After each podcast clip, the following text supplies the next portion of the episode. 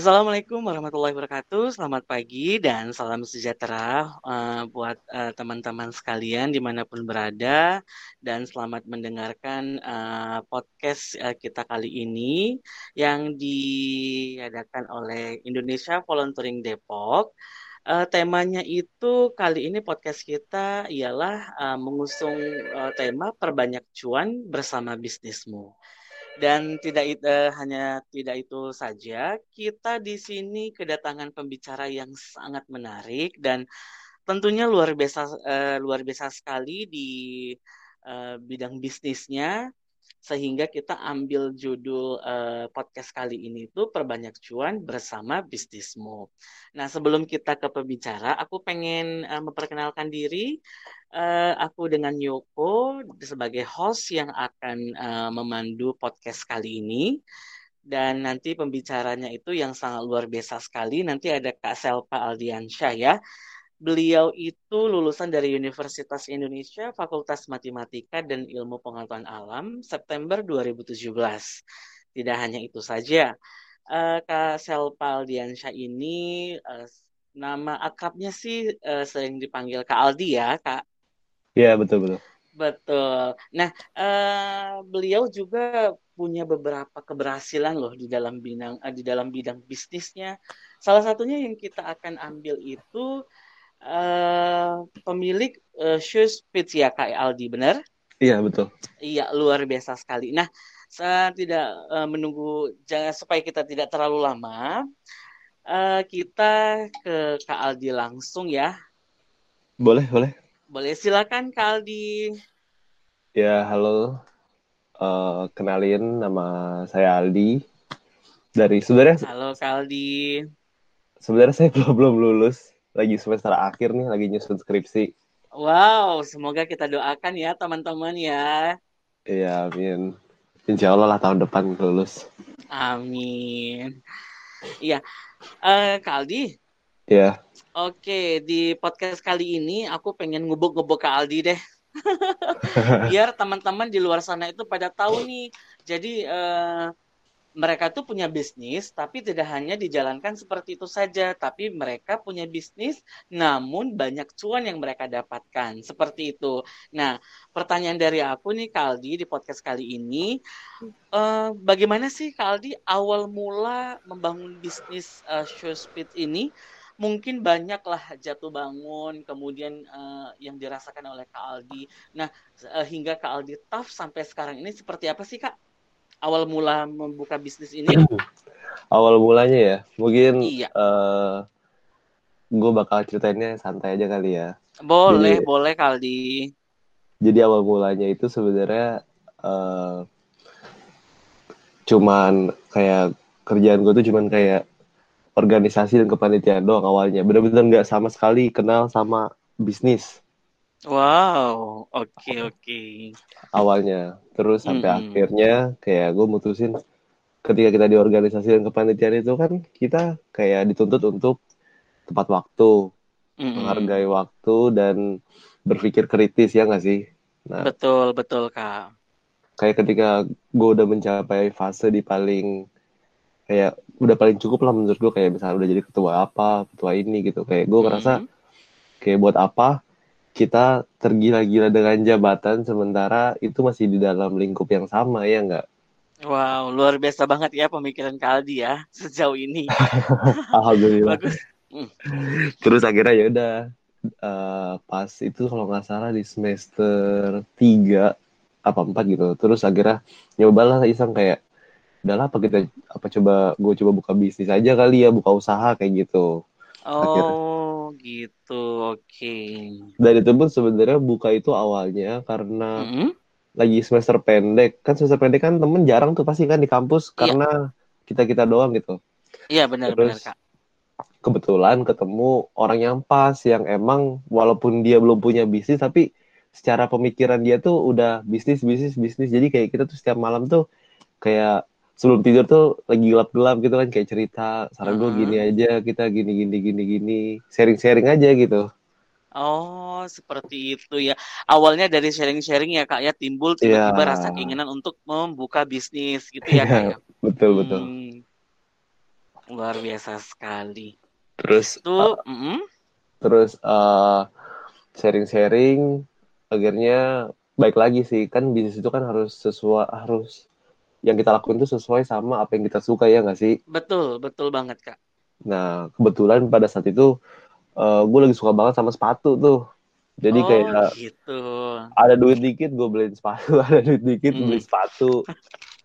Kan Jadi koleksi ya Kak ya? iya, padahal yang dipakai cuma satu istilahnya kan. Terus kayak bener-bener sayang banget lah kayak gitu kan. Akhirnya Mm-mm.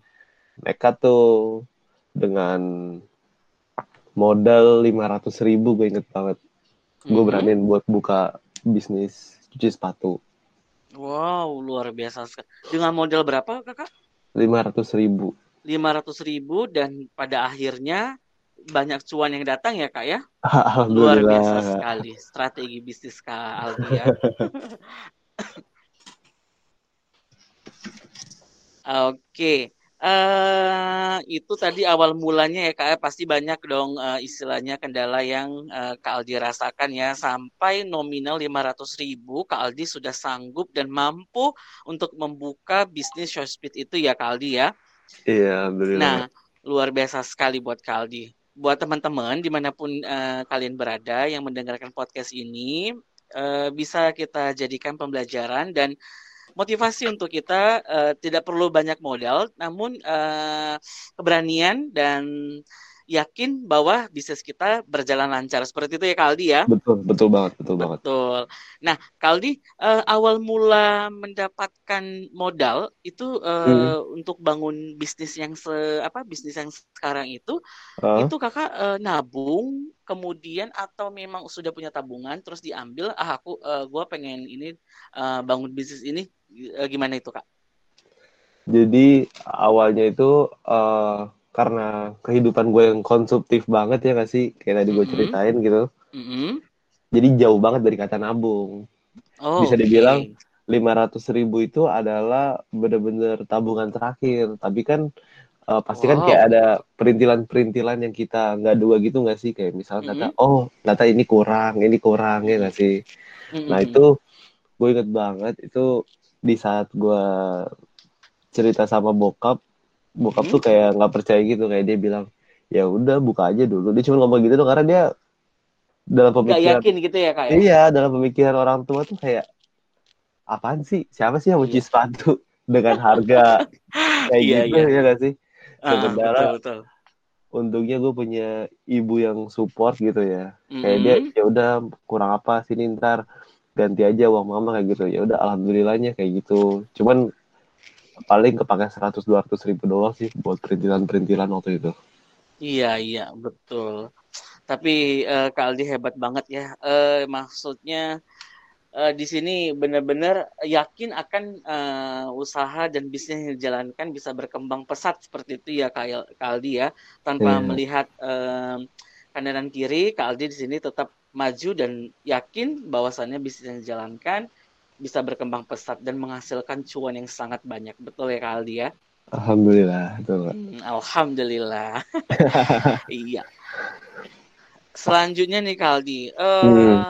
kita pengen tahu nih dan teman-teman yang lain terinspirasi dari mana ya kak ya bi- mau bangun eh, bisnis eh, Showspeed ini gitu. Mungkin eh, pada saat tidur menghayal atau enggak ketika tidur mimpi gimana itu kak? Jadi awalnya itu eh, kepikiran buat bikin suspits itu kan pertama kan karena gue suka sepatu ya kak. Mm-mm. Terus yang kedua gue mikir kayak apa sih bisnis yang nggak membutuhkan modal yang gede, tapi kita Mhm. tapi kita bisa buka dan itu nggak pasaran gitu. Oke, Berarti kan jasa kan iya pilihannya. Cuman jasa kan membutuhkan skill ya nggak sih kayak gitu. betul.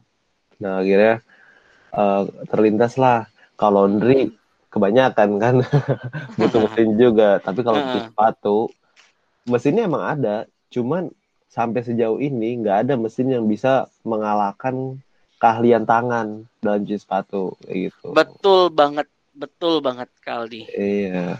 Jadi akhirnya ya udah uh, gue belajar sama teman-teman gue yang Hmm. sebelumnya pernah buka cuci sepatu juga terus uh, sharing-sharing aja sama mereka istilahnya mereka mau nganggap kompetitor juga ya udah ini kita kan udah kenalan udah sharing gitu Iya. kan sama mereka kan Mhm. dan alhamdulillah Mhm. responnya baik Ya udah dari situ gue belajar terus otodidak juga jadi belajarnya benar-benar seiring berjalannya waktu Oh, berarti seperti learning by doing gitu ya, Kak ya? iya learning by doing betul banget Betul sekali Kak Aldi, luar biasa banget semangat Kak Aldi. Patut kita contoh nih teman-teman. Jadi jangan langsung eh, ambil keputusan, ah nggak berhasil, ah seperti ini. Kita harus yakin ya, benar ya Kak Aldi ya? iya betul Apa betul yang betul kita buat, ya itu yang kita cintai dan itu nanti eh, kita hasilkan. Seperti itu ya Kak Aldi ya? nekat ya Luar biasa. Nah, eh, Kaldi, ke kondisi kita saat ini kan memang lagi di tengah eh, di tengah dan lagi masa-masa pandemi COVID-19 ini ya Kaldi ya. Hmm. Nah, kita pengen tahu nih hambatan apa sih Kak ya eh, hambatan apa gitu yang pernah Kakak rasakan selama COVID ini eh, di bidang bisnis yang Kakak jalanin sekarang. Kemudian cara menyemangatin diri Kakak itu seperti apa gitu, solusinya seperti apa? Bagaimana Kak cara Kakak tanganin? Jadi eh, kalau secara hambatan Mhm. parah sih, parah banget COVID. Jadi Parah banget ya Kak pasti ya. jadi sebenarnya tuh alhamdulillah tuh target Suspits di awal tahun ini tuh bisa buka Mhm. toko di Depok. Karena kan Wow, amazing. toko awalnya kan di Bekasi, terus di Mhm. tapi pertama kali buatnya tuh sebenarnya di Depok, di kosan, di kosan gue sendiri. Jadi Oh gitu, oke oke. jadi Hmm. tiap malam nih kalau misalkan ada Hmm. tugas, gue eh kalau nggak ngerjain tugas dulu, nyuci sepatu dulu. Tapi biasanya gue ngerjain tugas dulu sih, karena kalau nyuci sepatu dulu, kayaknya bakal capek. Jadi gue kalau ngerjain tugas, gue nyuci sepatu tuh depan kamar depan kamar mandi tuh. Oh, s- Awalnya kayak luar gitu. biasa banget kegigihan Kak Aldi. Terus eh akhirnya bukalah di Bekasi, karena kan rumah kan base-nya kan di Bekasi gitu. Mhm. Nah, terus tapi kalau di Bekasi ini eh, toko Suspits masih gabung sama toko orang tua kayak gitu. Akhirnya orang tua gimana Kak maksudnya? jadi eh, orang tua gue buka toko di sini tapi toko make up. Oh gitu, oke oke. Jadi kayak cuma naruh standing banner doang gitu. Iya iya iya. ah, ah. Nah, akhirnya pengen lah punya toko sendiri kan. Mhm. Terus bukalah di Depok. Udah tuh buka pas banget Hamin Hamin dua mau launching itu Mhm. kampus dapat info kalau besoknya libur. Bener-bener sesuatu yang sangat luar biasa banget Kak Aldi ya. Bener-bener Jadi jalannya sepertinya kayak dibuka banget gitu untuk berbisnis ya. iya, jadi nah terus libur kan tuh COVID tuh Mhm. gara-gara Mhm. COVID. Ya udah akhirnya yang aturan gua udah kayak udah syukuran sama makan-makan sama temen Heeh, ya, mhm. nggak jadi buka karena COVID. Jadi bisa dibilang sebulan sampai sampai hampir tiga bulan leba hampir tiga bulan mau lebaran itu Mhm. kayak gue bayar sewa doang tapi tapi tokonya nggak buka gitu. Hmm. Luar biasa banget hambatannya ya Kak ya selama COVID ini ya. Tapi setelah lebaran tuh kayak gue baik lagi kan kayak gue percaya Mhm. kesulitan semua hambatan tuh pasti ada jalannya. Itu yang Iya, gue betul sekali. itu yang gue pelajarin selama Mhm. terjun di dunia bisnis ini. Jadi Mhm. ketika kita ketemu hambatan dan kita ngerasa kayak oh kayaknya udah nggak bisa nih. Nah di situ sebenarnya adalah saat di mana kita kalah gitu. Iya, Karena mau sesulit apa pun pasti ada jalannya. betul banget Kak Aldi. Akhirnya gue nekat kan setelah Mhm. lebaran kayak ya udahlah buka aja toko gitu. Walaupun kita Mhm. nggak tahu bakal minus apa enggak. Buka toko terus Mhm. eh hire karyawan, bukalah tuh. Mhm. Dan alhamdulillahnya Mhm. tadi ada jalannya. Tanpa gue sangka walaupun itu tempat kayak sepi banget sepi tapi Mhm.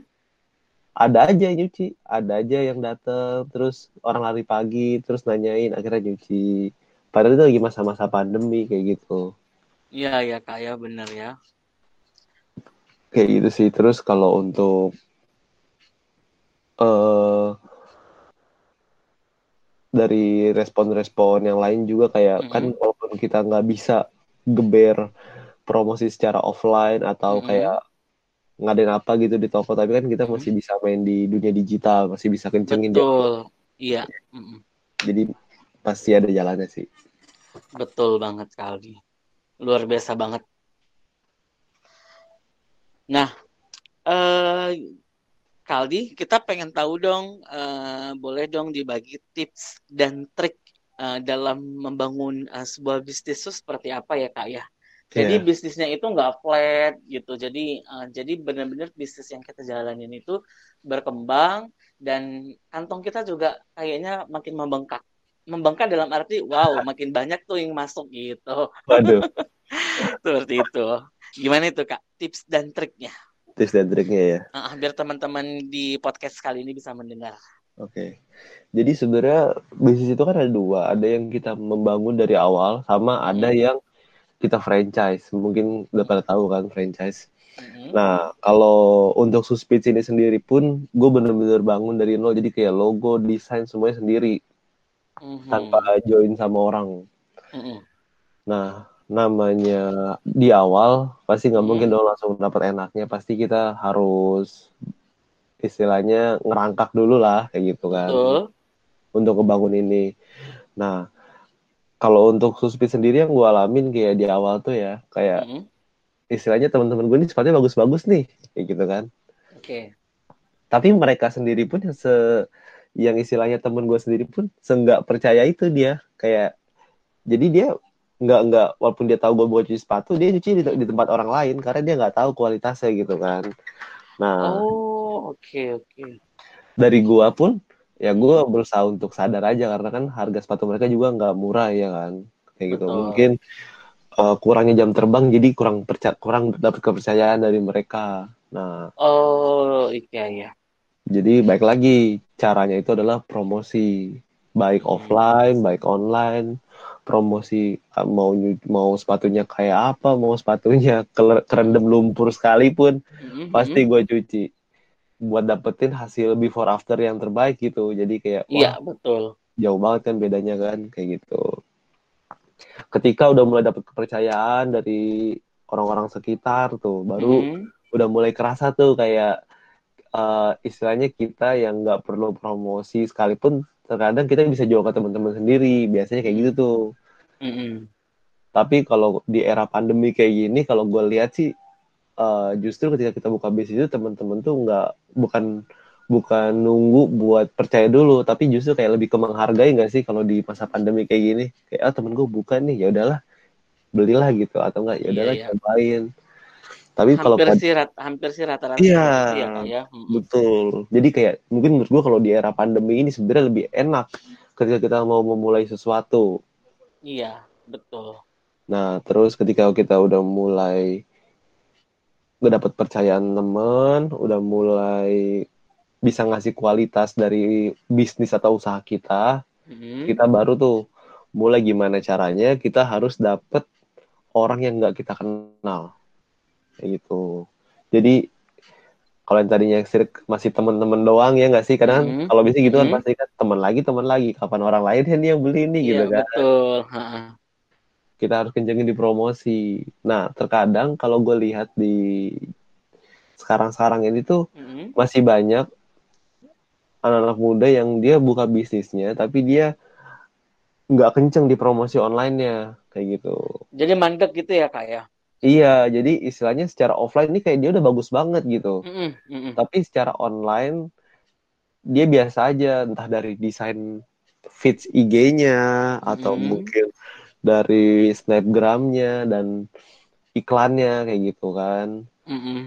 Nah, di sini adalah hal di titik di mana kayak kalau misalkan lu ngerjain ini semua sendiri, menurut gua nggak akan bisa. Jadi baik Betul. lagi Mm-mm. kita harus kerja sama tim, baik eh, lu nge nge-hire tim desain atau tim marketing buat gabung ke bisnis lu kayak gitu, buat pengembangan. Nah, simpelnya kayak paid pro, promote paid promote aja sih sebenarnya itu Mm-mm. menurut gue udah cukup penting didukung dengan desain feeds Instagram yang bagus atau desain feeds apa kalau promosinya di Facebook atau di Shopee yang bagus desainnya kayak gitu foto-fotonya lah segala macam karena hal pertama yang ngebuat orang percaya itu adalah Hmm. Eh, tampilan visual. Karena kan orang nggak tahu nih toko kita di mana. Apalagi kalau kita nggak punya Hmm. toko masih online store ya nggak sih? Orang Mm-mm, nggak tahu nih toko kita di mana terus juga hasilnya kita gimana. Jadi yang bisa ngejual itu adalah apa yang kita tampilin lewat media kita. Kayak misalnya Shopee ya udah di foto-fotonya itu diperbagus dipercantik kayak gitu. Hmm. terus juga review-review testimoni itu kalau bisa di diposting kayak gitu. Kalau Karena itu kemarin penting banget ya kak ya. Trik gitu ya betul. trik untuk eh, biar orang ngelihat wow gitu. Ternyata hasilnya luar biasa gitu gitu. betul betul. Kalau gua kemarin buat dapetin insight orang lain secara Mm-mm, gratis itu mm-mm, caranya kayak orang nyuci sepatu nih. Kayak dia mm-mm, temen dia temen gua nih. Mm-mm, gua foto lah dia. Nih pas sepatunya terus gua foto dia sama sepatunya. Gua bilang mm-mm. nanti di repost ya snapgramnya oke gitu. Ya udah ketika gua post dan dia repost secara tidak langsung kan teman-temannya dia yang gak gua kenal kan pasti ngeliat kan. Masih ngelihat ya betul. itu salah satu promosi yang tidak berbayar. Iya betul ya kak ya. caranya iya. Kayak gitu. Terus ketika udah mulai dapet nih orang satu orang-orang lain orang-orang yang gak kita kenal gitu buat Mm-mm, percaya sama bisnis kita di situ tuh kita mulai harus mempertahankan. Karena ketika di fase itu menurut gua bisnis lu tuh udah cukup mm-mm. udah cukup punya nama. Tinggal gimana caranya ngeyakinin ke orang-orang kalau ini tuh bukan bisnis coba-coba gitu. Nah kalau gua biasanya yang gua tekenin adalah Mm-mm, itu disiplin. Jadi kayak misalkan customer taruhlah kalau kita ngirim-ngirim barang misalkan customer udah mm-mm, pakai ekspedisi ini dan minta dikirim hari ini gimana mm-mm, caranya? Mm-mm. secepat mungkin ya kita kirim hari itu. Kayak gitu. Kalau gua kasarnya kalau misalkan mau nganter sepatu nih customer Mm-mm. janjian jam 3 ya udah jam 3 itu gua harus ketemu sama dia. Jangan sampai enggak kayak gitu Berarti benar-benar kita bisa memaintain waktu dengan klien gitu ya kak ya agar klien iya. merasa puas kemudian eh, nggak kecewa gitu ya kak ya. betul betul sekali. Baik, kepercayaan nomor satu yang sulit itu. Iya betul banget kali. kayak gitu sih. Terus kalau misalkan udah udah mulai aman semuanya udah mulai Mm-mm, pasarnya udah mulai dapet barulah di situ kita mm-mm. mulai gimana caranya membuat bisnis ini autopilot kayak gitu. Oh gitu. jadi bukan kita lagi yang bekerja untuk uang Iya, tapi gimana caranya uang itu yang bekerja untuk kita. Wow, satu kalimat yang bagus ya kak ya. Gimana uang itu bekerja Ber- untuk kita. nah iya. Karena kalau misalkan kita ngerjain itu semua sendirian gue yakin nggak akan bertahan lama ketika lu udah mulai ngerasa kayak kebutuhan udah mulai cukup di posisi mm-mm, itu. Taruhlah mm-mm, misalkan bisa jajan sepuluh ribu dengan buka bisnis bisa jajan dua puluh ribu tiga puluh ribu setiap harinya. Kan di situ kan udah mulai udah mulai kayak ngerasa ah ya udahlah masih ada uang ini gitu. Nah di situ ada titik-titik di mana kayak lu pasti bakal ngerasa bosen yang tadinya biasa ngepost tiap hari. Oh, oke. nanti ngepost cuman ya dua hari sekali seminggu sekali. Jadi di situlah mulai harus gimana caranya buat tim yang bagus. Nggak ha- Benar-benar banget. nggak harus bikin bisnis bareng-bareng sama temen. Bisa cukup dengan sendirian tapi gimana cara di dalam bisnisnya itu ada tim. Dan timnya pun nggak harus yang kayak orang-orang profesional menurut gua. Kayak misalkan Mm, yang minta gaji UMR atau gimana gimana nggak perlu. Cukup misalkan kayak gua. Jadi awal awal gua mulai bangun tim itu mm-mm, gua kan punya temen-temen yang istilahnya jadi staff di BEM, staff ahli, mm-mm, BPH mm-mm, gitu, mm-mm, BPH desain gitu kan. mm-mm. Menurut gua desainnya mereka tuh udah bagus dan apalagi kalau di badan eksekutif mahasiswa itu kan tiap hari harus ada timeline buat Iya. ngepost ini, ngepost itu. Nah, gua hire tuh dia kayak "Eh, udah lu kan udah selesai nih di BEM, eh sini join sama gua kayak lu di BEM aja kemarin nggak dibayar aja rela ya kan bangun Iya, betul. tiap hari buat bikin desain masa ya di gua yang isinya walaupun nggak seberapa tapi nggak mau gitu dan akhirnya dia mikir di situ iya juga ya Hmm. karena gue suka desain kenapa enggak join lah dia akhirnya kayak gitu Hmm, seperti itu. Iya, Bagus, bagus banget kak. kayak gitu sih Eh, benar-benar eh, suatu tips dan trik yang sangat eh, bermanfaat sih untuk eh, para pendengar dan teman-teman eh, di podcast kali ini. Emang sangat luar biasa sekali dan memang harus maju terus, yakin dan punya trik unik ya kak ya, tips dan Iya. unik juga untuk eh, kita bisa berhasil di eh, dalam membangun eh, suatu bisnis. Nah, eh, Kak Aldi, eh, ini dua pertanyaan terakhir di podcast kita pagi ini. Hmm. Untuk yang pertanyaan berikutnya, eh, menurut kakak itu seberapa penting ya eh, kita melakukan survei sebelum menjalankan sebuah bisnis? Iya. Gitu. Jadi eh, analisa surfing dalam melakukan sebuah bisnis itu menurut gue penting banget.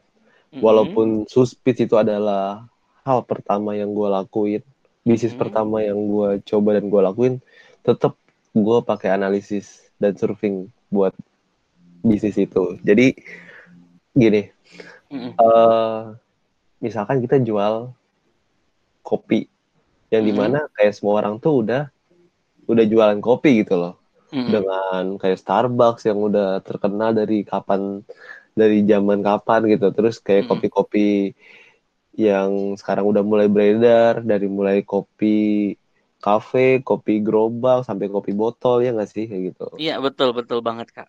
sementara kita mau buka kopi dengan Oh. modal yang pas-pasan dan hal Mhm. dengan konsep yang biasa aja cara nggak secara tidak langsung kita tuh sebenarnya udah tahu kalau kita udah pasti kalah ya nggak sih sama mereka-mereka ini gitu Iya, sama kompetitor betul. kita ini Mm-mm. nah gimana caranya eh kita punya bargaining power suatu keunggulan yang beda dari mereka. Nggak harus mahal tapi bisa ngebuat orang-orang tuh sadar kayak wah ternyata dia ada gini-giniannya loh kayak gitu. Contohnya misalkan eh, dari segi desain packing atau dari segi promosi dari segi penamaan itu kan hal-hal unik yang istilahnya nggak bisa nggak bisa didapetin semua orang gitu loh mungkin orang bisa Mhm. ngejalanin bisnisnya dengan uang yang banyak tapi untuk dapetin sesuatu yang unik dan jarang diketahui orang itu nggak semua orang bisa menurut gua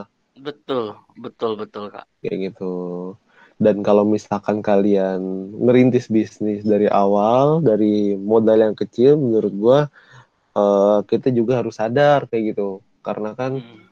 baik lagi kayak kalian pengen sesuatu yang besar dengan cara yang instan pasti butuh perjuangan yang besar ya nggak sih Betul butuh betul. butuh pengorbanan dan resiko yang besar juga kalau misalkan resiko kalian belum sebesar itu ya Mm-mm. ya udah apa yang kalian terima nantinya pasti sesuai dengan pengorbanan kalian gitu. Betul. jadi lebih lebih ke analisis daerah sekitar daerah tempat kita mau buka Mm-mm. terus pastiin apa keunggulan yang bisa kita ambil dari mereka yang pasti Mm-mm. saran gue bukan harga ya karena Mm-mm.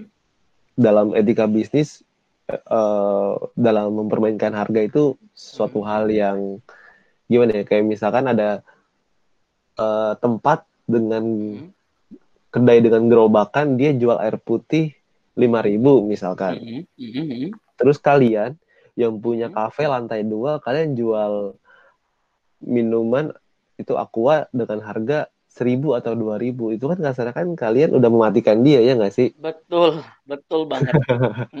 Nah kayak gitu hal-hal kayak gitu istilahnya eh, kalau bisa jangan jangan dipakai walaupun emang itu pasti bakal menarik orang banget tapi kalau bisa bukan kayak gitu caranya misalkan kalian Hmm. bikin minuman dengan racikan kalian sendiri dengan Mm-mm. signature kalian sendiri terus kalian jual dengan harga yang jauh di bawah rata-rata ya itu nggak masalah karena itu kan hasil dari racikan kalian komposisinya Betul. semuanya kalian tahu kayak gitu kayak gitu. Berarti memang eh, penting banget ya kak ya eh, melakukan survei sebelum kita menjalankan eh, bisnis tadi ya. betul penting banget Oke, untuk pertanyaan terakhir di podcast uh, pagi ini bersama Kak Aldi. Nah, Aldi, the, cara bisnis uh, tadi sudah ya sebenarnya tadi sudah dijawab cuman ini biar di remind kembali ke teman-teman yeah, yang mendengarkan boleh. podcast kali ini uh, bagaimana sih kak cara bisnis kita dikenal oleh banyak uh, orang gitu jadi yang seperti kak Aldi tadi sampaikan tidak tidak jadi uh, tidak hanya teman saja nih yang tahu tapi pihak yeah. luar uh, tahu juga gitu jadi, jadi uh, gimana caranya biar bisnis kita itu diketahuin sama orang-orang mm. ya kayak media-media informasi zaman sekarang kan udah canggih-canggih banget nih. Mm-hmm. Apalagi dengan kehadiran TikTok. Mungkin kalau kalian punya TikTok. TikTok lagi booming banget kak memang kalau iya. bisnis. betul betul banget ya sih. Yang tadi ya TikTok kita anggap sebagai tempat yang nggak baik kayak anak-anak alay. Dengan hadirnya TikTok di zaman ini tuh kayak akhirnya malah jadi tempat yang sangat berguna dan bermanfaat. Kayak gue pun hmm. sering kayak oh ternyata ini loh packaging yang bagus tuh dan murah mm. akhirnya mm. dapat informasi-informasi nah itu baik lagi sebenarnya ke promosi kalian jadi mm. gue bisa yakin kalau misalkan kalian nggak berani untuk mencari tim promosi atau tim desain buat ngepromosin bisnis kalian mm. kalian nggak bakal bisa secepat itu buat dikenal-kenal sama orang karena kalian udah sibuk buat ngurusin pesanan, sibuk buat ngitung uang pemasukan dan pengeluaran, apalagi buat promosi yang istilahnya uh, feedbacknya itu kita nggak bisa ngerasain gitu loh. Ketika kalian ngejual kan, kan bisa langsung feedbacknya kan dapat hari itu, oh langsung dapat nih duitnya kayak gitu. Tapi kalau misalkan promosi kan nggak tahu kalian udah ngeluarin uang berapa, tenaga tenaga ber, tenaga bagaimana sebanyak apa tenaga yang kalian keluarin. Tapi kan nggak tahu feedbacknya itu ke dapat nggak sih istilahnya? Orang tuh bisa yeah. ngerasain nggak sih apa yang udah gue lakuin? Mm-hmm. kayak gue videoin satu hari kayak gitu. Nah hal-hal kayak gitu yang harus kalian perhatiin.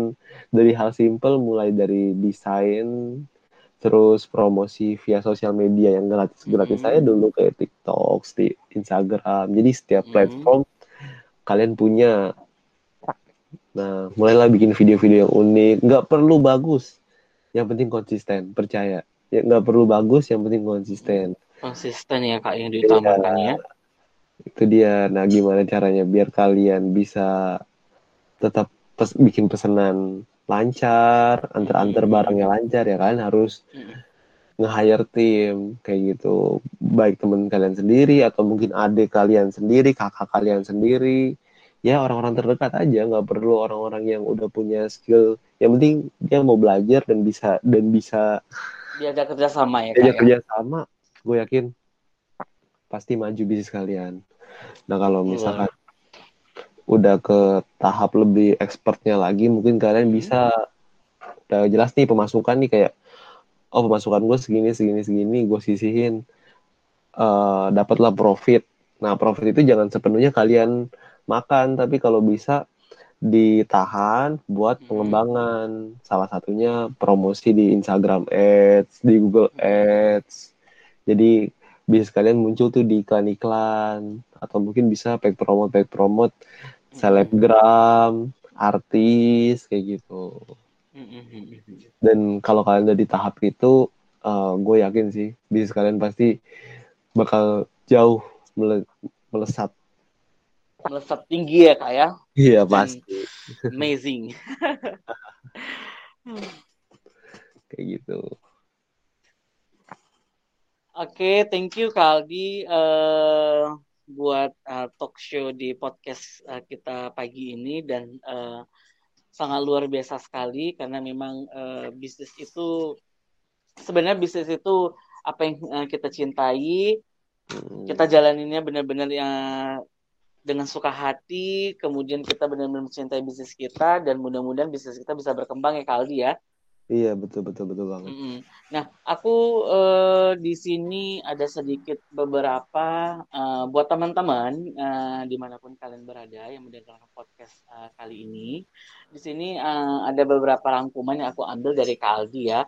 di di mana Kaldi itu uh, awal mula membuka bisnis uh, Showspeed ini itu dengan modal 500 ribu kemudian bisa berkembang pesat seperti ini dan benar-benar menghasilkan cuan yang sangat banyak. Kemudian bisa dikatakan uh, orang tua laki-laki dari Kak Aldi agak kurang tidak setuju. Mungkin yeah. tidak setuju cuma uh, mungkin uh, tidak dikatakan tidak setuju tapi uh, benar atau tidak seperti itu ya Kak Aldi ya kurang suportif uh -uh, kurang support ya Kak ya dan sedangkan yeah. ibu selalu support di dunia bisnisnya Kak Aldi sehingga bisa berkembang pesat sampai sekarang ini Kemudian ada satu kalimat nih buat teman-teman yang uh, mendengarkan podcast kali ini. Ingat di, di kata-kata yang Kak Aldi sampaikan tadi adalah bagaimana uang itu bekerja buat kita. Nah itu harus kalian ingat dan kalian harus terapkan jika kalian ingin membangun sebuah bisnis sehingga bisnis kalian itu bisa berkembang pesat.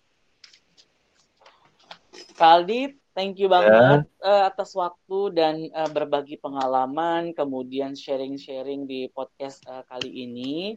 Semoga kita dan teman-teman yang mendengarkan di luar sana, di mana pun kalian berada, ini bisa kalian jadikan pembelajaran, kemudian motivasi untuk uh, bisa membangun bisnis itu uh, dari hal yang kecil sampai berkembang pesat seperti itu dan menghasilkan cuan yang sangat banyak sekali. Intinya di sini tadi itu ya dibilang Kaldi konsisten, fokus dan yakin untuk uh, bisnis kita bisa berkembang pesat seperti ya Kaldi ya. Betul betul. Baik. Kak Aldi, sekali lagi uh, aku dengan Yoko sebagai uh, sebagai host uh, podcast kali ini, terima kasih banyak sekali Kak Aldi buat uh, waktu dan uh, kesempatan yang uh, Kak Aldi bisa hadir di podcast kali ini. Semoga bisnis Kak Aldi berjalan lancar, berkembang Amin. pesat dan next kita bisa ketemu ya Kak Aldi ya. Wah siap. jadi nggak jadi nggak ada podcast ini. Sekali lagi yeah. terima kasih Kak Aldi dan yeah. uh, teman-teman sekalian, terima kasih uh, telah mendengarkan podcast kali ini. Uh, saya Yoko pamit dalam podcast kali ini. Terima kasih. Assalamualaikum warahmatullahi wabarakatuh. Selamat pagi dan salam sejahtera untuk kita semua. Kita kembali ke Nelly. Halo. Ya, yeah, halo. Iya. Yeah. Udah ya, thank you ya Kak Aldi, Kak Yoko. Ya, makasih juga. Ya, sama-sama Nili. Record dulu. Hmm. Oke. Okay.